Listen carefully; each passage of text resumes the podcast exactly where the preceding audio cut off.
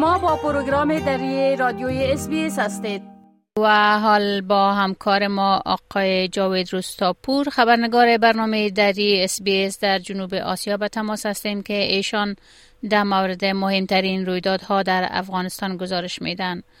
آقای جاوید روستاپور سلام خدمتتان. خب در آغاز می‌خوایم بپرسم که گفته شده که طالبان از مولانا فضل رحمان رهبر حزب جمعیت اسلامی پاکستان دعوت کردن که به افغانستان بیایه. عکس ها در این مورد چطور است و طالبا از این دعوت چی انتظار دارن؟ با سلام وقت شما بخیر خانم تصمیم بله امان گونه که شما اشاره کردین دعوت حکومت طالبان از مولانا فضل رحمان رهبر حزب جمعیت علمای اسلام پاکستان برای سفر به کابل با واکنش های شماری از چهره های سیاسی شهروندان و همچنان کاربران شبکه های اجتماعی امراه شده است.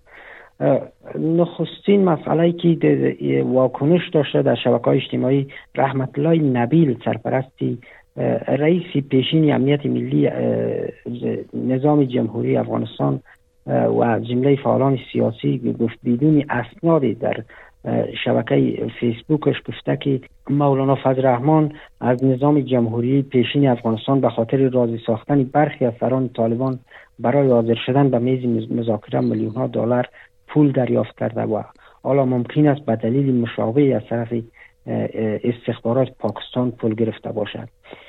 آقای نبیل همچنان ادعا کرده که افغان مولانا فضل رحمان و شخصیت های دیگری مانند او را می‌شناسند که توسط سازمان های اطلاعاتی پنجاب استخدام شده و ورود آنها به کابل پیام خوبی برای افغان ها ندارد. یکی از کاربران دیگر که قبلا سخنگوی طالبا بود به نام جنرال مبین در صفحه اکس یا تویتر خود نوشته است که ادعا می‌کند که فضل رحمان قبل از آمدن به کابل به شهادت برسد.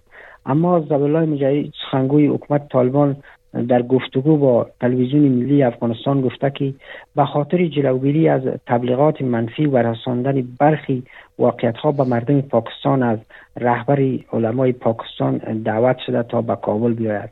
آقای مجاهد افزوده که مولانا فضل رحمان می تواند در, در این رابطه نقش خوبی ایفا کند. برخی دیگری از آگاهان امور گفتند که مولانا فضل رحمان به افغانستان یک سفرش سفری نمایشی خواهد بود و هیچ نخواهد توانست رابطه ای که, که میان کابل و اسلام آباد خدشدار شده این دوباره نرمال بسازه و فعلا به گفته کاربران شبکه اجتماعی کابل یا طالبان اون محبوبیت قبلی را نزد پاکستان ندارن به دلیل از اینکه تی تی پی را در کابل در افغانستان اینا جا دادن و از اینجا حملاتشان بالای اسلام آباد و دیگر شهرهای پاکستان افزایش یافته و این وضعیت با گذشت زمان متشنجتر. بله تشکر. خوب گزارش در دست است که گفته شده که انترپول یک گزارش را نشر کرده که یک مقدار سلاح و مهمات توسط تیرستان از افغانستان به پاکستان قاچاق میشه. این خبر چقدر دقیق است و طالبا در این مورد چی میگن؟ بله در حالی که گزارش های پلیس جنایی بین المللی این انترپول شواهد را مربوط به قاچاق اسلحه از افغانستان به پاکستان نشان می‌دهد اما حکومت طالبان گزارش را رد کرده. زبیح های مجاهد سخنگوی حکومت طالبان در صحبت با رسانه های داخلی افغانستان گفته که سلاح و مهماتی که نزد حکومتشان ثبت و راجستر قاچاق نمی شود اما انتظار دارند که درباره مسیر قاچاق برای آنها معلومات داده شود تا در این باره تحقیق کنند. برخی از کارشناسان نظامی اما به این باورند که فروش اسلحه در داخل افغانستان و قاچاق اسلحه به کشورهای همسایه از جمله پاکستان و دیگر کشورها موضوع تازه نیست و از گذشته ها وجود داشته.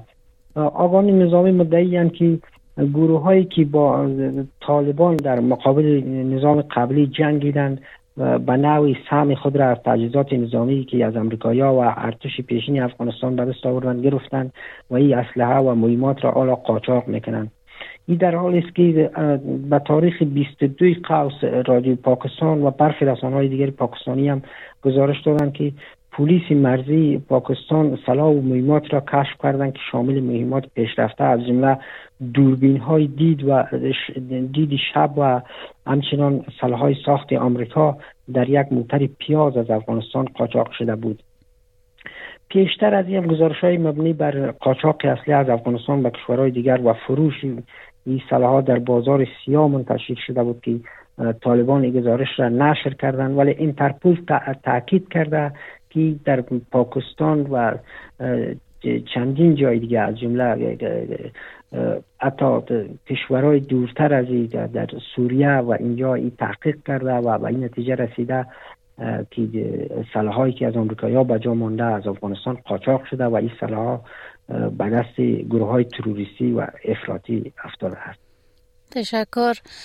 خوب منابع محلی هرات هم ادعا کردند که طالبا تعداد زیادی از کارمندای اداری را به خاطر نداشتن ریش زندانی کردند اگر در این مورد بشننده های ما هم کمی گزارش بتین بله برخی از رسانه های افغانستان که در بیرون از کشور اینا فعالیت دارند به نقل از منابع محلی گزارش کردند که طالبان شماری از کارمندان اداره های شاروالی و اوزه دریایی حدود مرغاب در ولایت ایراد را به دلیل کوتاه بودن ریششان در کاندینر زندانی کردند. این منابع از جمله به روزنامه هشت صبح گفتند که این افراد از طرف ریاست امر به معروف و نهی از منکر طالبان در ایراد برای یک شبانه روز زندانی بودند. این منابع طالبان از, از این اداره ها هر روزه از اداره محلی اینا نظارت می‌کنند و تعدادی از افرادی که ریش کوتاه داشته باشند در سه مرحله. مرحله نخست یا اختار میتن مرحله دوم یا زندانی می‌کنن و در مرحله سوم یا از کار اخراج می‌کنن اینا نظارت می‌کنن.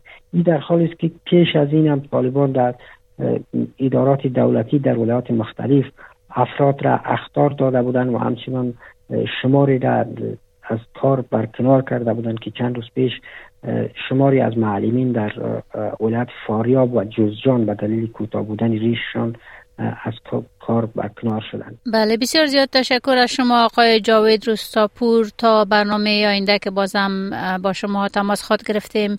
شما را به خداوند مسپارم روزتان خوش. وقت شما هم خوش. خدا حافظ و ناصرتان. می خواهید این گناه گزارش ها را بیشتر بشنوید؟